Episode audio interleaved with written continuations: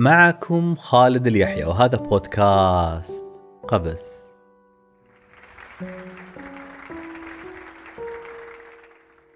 حيث نروي القصص. فالقصص تذكرنا دوما بالمسافة الشاسعة الموجعة بين الصورة البراقة التي نريدها لأنفسنا وحقيقتنا الجريحة التي نتوارى بها عن الأنظار. وهذه الحلقة مختلفة. لأنها تأتيكم لأول مرة وأنا مطوق بثلة من الأصدقاء الذين احتشدوا في هذا المكان البديع The Stage. خلفي هناك رفوف جميلة مكتنزة بتشكيلة لا مثيل لها من الكتب والتحف. على يميني نافذة عريضة جدا تستطيع بإطلالة واحدة منها أن ترى كم هي مليئة بالحياة هذه الرياض. وأمامي مدرج تزاحم عليه الأصدقاء بابتسامات أشعر تجاهها بامتنان عظيم. إنهم متراصون ليستمعوا لهذه القصة والتي تحوي في ثناياها سرا قد تعاهدته على مر السنين. القصة مكونة من جزئين. الجزء الأول رويته مرارا. كان ضمن أول محاضرة عامة ألقيتها قبل خمسة عشر عاما. كانت بعنوان الما لا نهاية. وقتها لم يتجاوز جمهور المحاضرة أكثر من خمسة أشخاص. أحدهم كان الراحل الغالي نجيب الزامل والذي بدوره كتب عنها مقالة ضافية في زاويته الصحفية المقروءة على نطاق واسع. توالت علي بعدها بسببه الدعوات. فرويت القصة مرة أخرى في الظهران أمام جمهور أوسع. ثم الرياض فجدة فدبي فالإسكندرية فبيروت فلندن فسان فرانسيسكو. ومعهم كان عدد الحاضرين يكبر شيئا فشيئا. لكن القصة كانت دائما ناقصة. كان هناك الجزء الأول الذي تحدثت به وهناك جزء ثاني لم أتفوه به. للقصة تكملة لم أجرؤ يوما على البوح بسرها. وبعد حديث مع الثرثار سنان اقترح علي أن يكون إفشاء السر أمام أكبر عدد من الحضور. فمن هنا من the stage تأتيكم هذه الحلقة التي أفشي فيها سرا قديما. واسمحوا لي أن تكون مهداة باسمكم. للصديق الباقي في القلب رغم رحيله المستمع الأول الذي كسر جدار الصمت نجيب الزامل الذي ما زلت أستشعر غبطة ابتسامته مع كل داونلود وكل لايك وكل إعادة إرسال. لقد صاروا أكثر من خمسة يا نجيب كما أردت وهنا لك. أروي بقية القصة. أحكيها أمام جمهور يحبك كثيرا. سأهمس بها على أمل أن تصل لك. وتبدأ القصة مع كرة. كرة لامعة. قطرها 60 سنتيمترا تقريبا. سميت بالصاحب. الإلف الخدين الأنيس رفيق الرحلة. لو أجريت إحصائية عن أهم خمسة أحداث في القرن العشرين حتما سيأتي ذكر هذه الكرة. شخصيا سأضعها في المركز الثالث.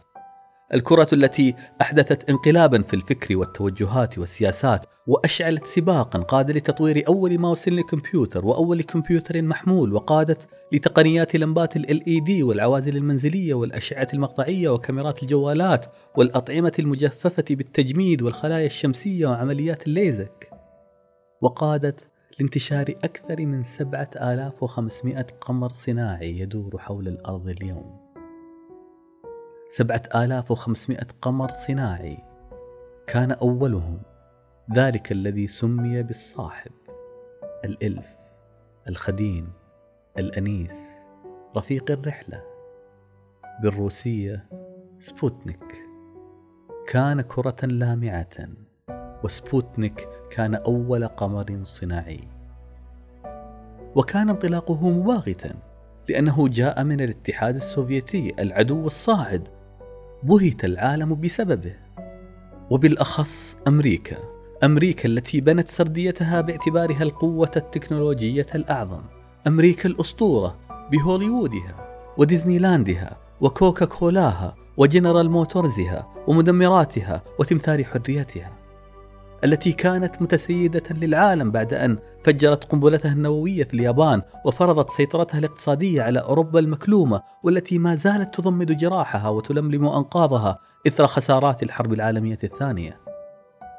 وفجأة وبلا مقدمات يفاجأ الكوكب بفتح تقني مثير كرة تنطلق من ذلك المكان البعيد من النصف الآخر من الأرض من غير سابق إنذار؟ تضعضعت الرواية الأمريكية الاتحاد السوفيتي على عكس ما يشاع لا يبدو دولة متخلفة. وعلى مدى عشرين يوما بعد سماع ترددات ذبذبات سبوتنيك كتب عنها في صفحات نيويورك تايمز أكثر من 220 مقالة بمعدل 11 مقالة كل يوم في زوايا الصحافة المذهولة. فانتفضت أمريكا لملء الفراغ التقني. وقفزت ميزانية مؤسسة العلوم في سنة واحدة من 34 مليون دولار إلى 134 مليونا حتى وصلت إلى نصف مليار دولار سنويا. وزاد الإنفاق على تعليم الهندسة والعلوم والرياضيات ودشنت مؤسسة داربا. داربا التي طورت طورت شبكة الإنترنت. وأسست أيضا كردة فعل لانطلاق سبوتنيك. أسست الإدارة الوطنية للملاحة الجوية والفضاء. الوكالة الرائدة الشهيرة باسم ناسا. وبمجرد ما انتظم سير العاملين في هذه المؤسسة الوليدة ناسا بدأت النظر في خيارات الرد محاولة رد الاعتبار للجرح النرجسي الذي أصاب فؤاد أمريكا. واحد من المقترحات كان مشروعا غريبا. اقتراح علمي. نص على أن تعمل أمريكا وأنا لا أبالغ هنا. أن تعمل أمريكا على أن تفجر قنبلة نووية اندماجية هائلة على سطح القمر بحيث ينير غبار برقها وجه الأرض. الأمر جاد جدا حد الضحك فالاقتراح يبدو دسيسة شاذة من شرير مختل في رواية كوميدية. هذا القمر الذي على مر التاريخ ظل أنيسا للبشر يبدد وحشة الظلام ويفتنهم بجمال ضيائه القمر شديد الرقة. تفجر؟ السند الأول الذي اتكأ إليه الإنسان في حساب الوقت والزمن ومن تعلق به البشر سموا أولادهم بأسمائه المختلفة قمر وبدر وهلال. وقال في شبيهه ابن زريق أستودع الله في بغداد لي قمرا بالكرخ من فلك الأزرار مطلعه. وغنى في نهره فرانك سيناترا. تثقب؟ ليصدق أبو فراس سيذكرني قومي إذا جد جدهم وفي الليلة الظلماء يفتقد البدر. تشعل فتيل قنبلة نووية اندماجية لتنثر رماده وضياءه؟ العنجهية التي استولت على عقول إدارة القوة الجوية الأمريكية أرادت مجابهة مفاجأة سبوتنيك بمفاجأة أكبر. أن يستعرضوا بأكبر مهرجان للألعاب النارية يمكن تصوره في كل المجموعة الشمسية. وسيدعى أبناء الأرض للتفرج على هذه التجربة. لينظروا ما الذي تستطيع أمريكا فعله وليدركوا من الذي يستحق أن يكون المسؤول الحقيقي في مهمة إدارة هذا الكوكب. التفجير يحمل رسالة ضمنية. إن قرر الاتحاد السوفيتي بقوته العظمى التوجه للفضاء فإن أمريكا ستأخذ أسلحتها معها هناك. بالطبع تم التحفظ على ملفات هذا المشروع والتي بقيت سرية. ولم تنشر تفاصيلها إلا بعد تسريبات نشرتها الصحف بعد الحادثة بسنوات طويلة وأكدها نائب مدير ناسا في ذلك الوقت. قد تبدو هذه الفكرة كوميدية في مأساويتها أن ينحدر الفكر البشري لهذا القدر من الانحطاط. لكن من حسن حظ أمريكا أنها استفاقت من هذا الجنون ووفقت بكوكبة من المعترضين الذين احتشدوا في غرف الاجتماعات السرية ليعترضوا على هذه الفكرة المروعة الذين رأوا أنه برغم وحشية الإنسان المألوفة إلا أنه لا يليق أبدا أن يكون أول احتكاك بيننا نحن الإنس والقمر بعد قرون من التغزل فيه أن يكون أول ما نبدأ به هو أن نصافحه بقنبلة نووية. فتخلت أمريكا عن جنون هذا المشروع ووفقت مرة أخرى بتحولها للتعليم وإشاعة المعرفة العلمية والاحتفال بأدبيات الخيال العلمي فنذرت مؤسساتها الإعلامية للتبشير بجماليات الكون ومكنونات الذرات وأسرار الجينات وكشف آفاق المجهول. ووفقت أمريكا مرة ثالثة بأن حظيت بالعالم الكبير الإنسان الملهم الذي لامس شغاف قلوب الملايين من البشر كارل سيغن كارل وهو بطل القصة قصتنا لم يكن له شبيه في أثره. عندما بث برنامجه كوزموس العالمين شاهده أكثر من 500 مليون. كان أكثر برنامج شوهد في تاريخ أمريكا. بحسب بعض الإحصائيات هناك أكثر من مئة ألف عالم منهم عشرة آلاف من حملة الدكتوراه ينسبون التحاقهم في التخصصات العلمية بسبب إلهام كارل سيغن نفسه. أحد مآثره الخالدة. كان كتاب همهمة الأرض الذي سرد فيه وصفا مدهشا لتفاصيل الأسطوانة كيف أنه في خريف عام 1977 وبينما كانت ناسا تضع لمساتها الأخيرة لإطلاق مسبار مجهز لمهمة تصوير كوكبي المشتري وزحل رأى فرصة سانحة. نظرا لأن المسبار كان مهيئا وبسبب حالة اصطفاف فريدة للكواكب كان مهيئا لمواصلة رحلته إلى خارج المجموعة الشمسية فلمعت في ذهنه فكرة مدهشة. لما لا نضع في هذا المسبار رسالة؟ رسالة رمزية. منا. نحن سكان هذا الكوكب تنطلق للمجرات. وحمل أوراقه لناسا التي راقت لها الفكرة ورأت أنها ستؤنسن عمل هذا المسبار. فوافقت عليها. وعمل كارل سيغن على مشروع هذه الرسالة والتي تمخضت عن أسطوانة أسطوانة ذهبية مرشحة للعيش لأكثر من 500 مليون سنة الرقاقة الذهبية.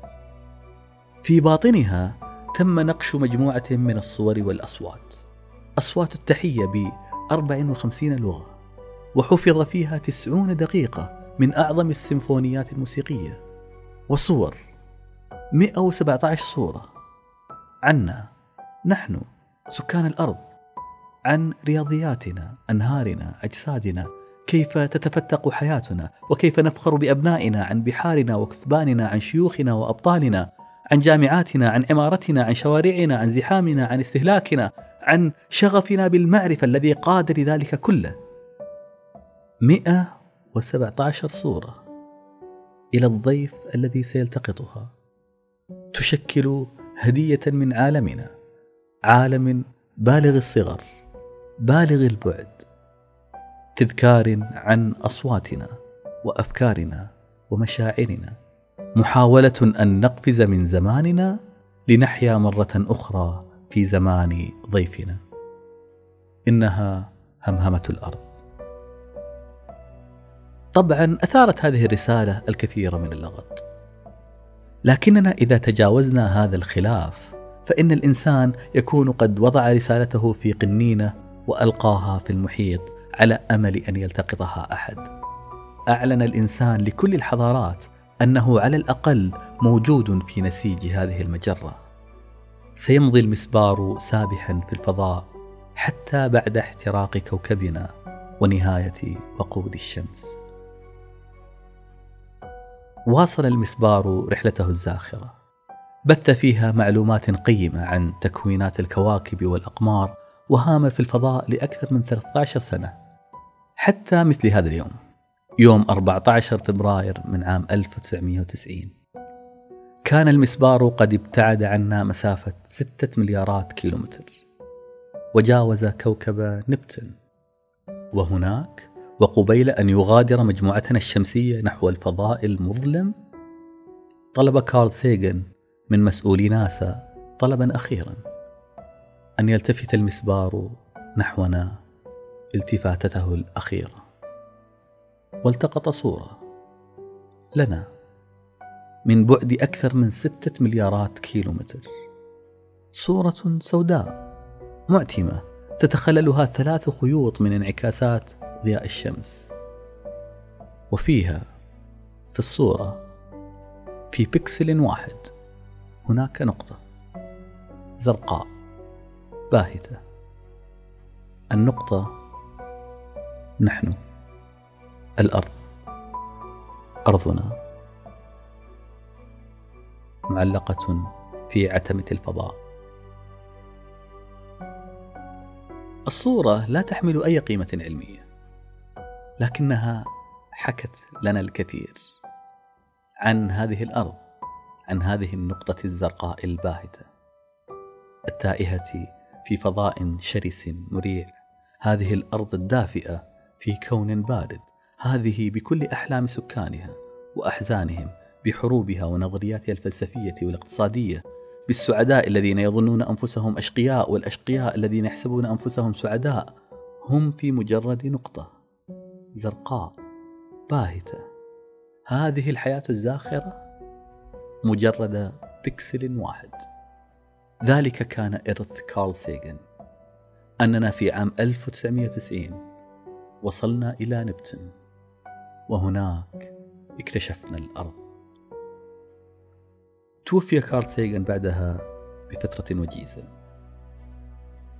في خاتمة كتابه همهمة الأرض كتب وصيته. لا أحد يجرؤ على أن ينقش مثل هذه الأسطوانة ويفدها في مثل هذه الرحلة لولا شعور غامر بالأمل لولا نظرة حالمة للمستقبل لولا قدر لا بأس به من الذكاء لولا رغبة ملحة بأن يوصل الإنسان للكون بأنه رغم كل شيء سيظل امتدادا لهذا الكون وأنه الإنسان سيبقى جزءا منه. المسبار ما زال يهيم في الفضاء. يبعد عنا اليوم أكثر من 23 مليار كيلومتر. كأبعد نقطة وصل لها العقل الإنساني وأقرب نقطة للما لا نهاية. ذلك كان الجزء الأول من القصة. ودائما ما كنت أختار أن تكون النهاية هنا.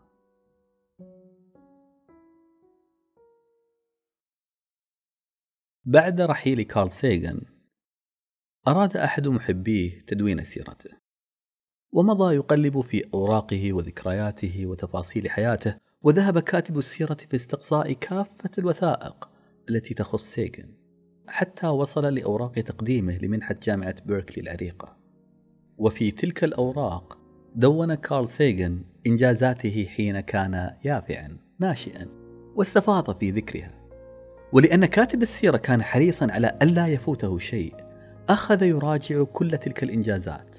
واحدا واحدا يضعها في جدول ويقارنها بما لديه من الوثائق.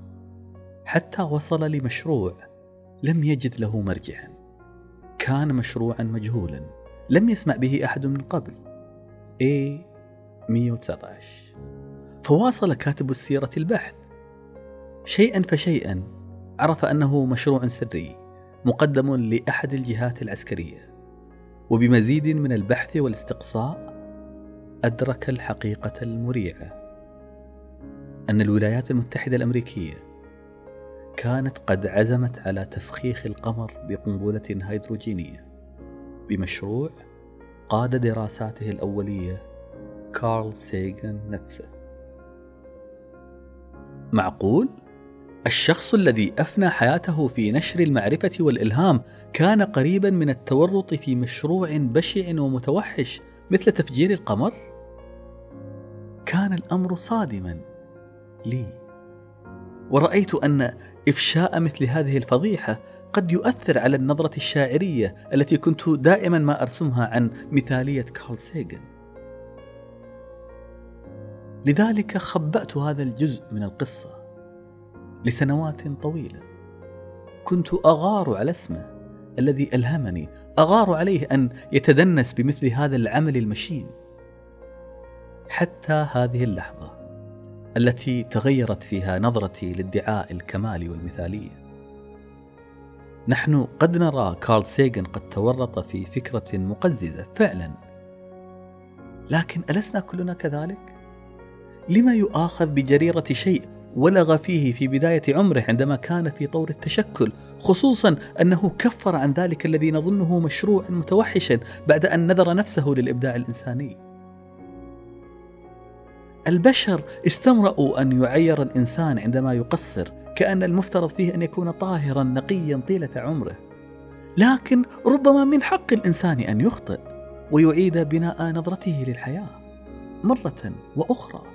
دون أن يخشى طالما أن هذه الأخطاء بقيت في عقله ولم تتعدى للإضرار بالمجتمع وبالآخرين. كلنا نخطئ والأخطاء أحيانا تكون مؤلمة لكن الأخطاء مثل الحفر في جذوع الشجر والتي قد تشوه الشجرة. مع مرور الأيام هذه الجروح التي حفرت في الشجر لا تزول ولا تختفي هذه حقيقة تبقى آثارها لكنها تبقى في محلها عندما تكبر الشجرة فإن هذه الجروح لا تكبر لا ترتفع. قد تصبح غامقة أكثر لكنها لا تستطيع أن تتضخم. لكن في المقابل أنت تستطيع أن تكبر أن تنمو أن تصنع لنفسك أغصانا وأوراقا. صحيح أن الجرح في جذعك لن يصغر لكنك تستطيع أن تجعل أثره صغيرا فيك عندما تصبح أنت كبيرا جدا. ربما كان هذا هو الدرس الذي أدركه كارل سيغن أنه لا يحيا على هذه الأرض حياة واحدة أن كل واحد منا يستطيع أن يكون سلسلة من شخصيات متعددة يعيش أكثر من حياة إن أراد. قد تكون نقيصة في حق كارل سيغن أنه اقترف خطيئة العمل في مشروع A119 لكن لا شيء يصنعنا مثل الأخطاء وإبداع الإنسان سيظل يتمثل في أن يصنع لنفسه مساحة آمنة للخطأ وأن يدرك بعبقريته أي من أخطائه يستحق الاحتفاظ به وأي من أخطائه يستحق الاحتفاء به. سميت هذه الحلقة همهمة.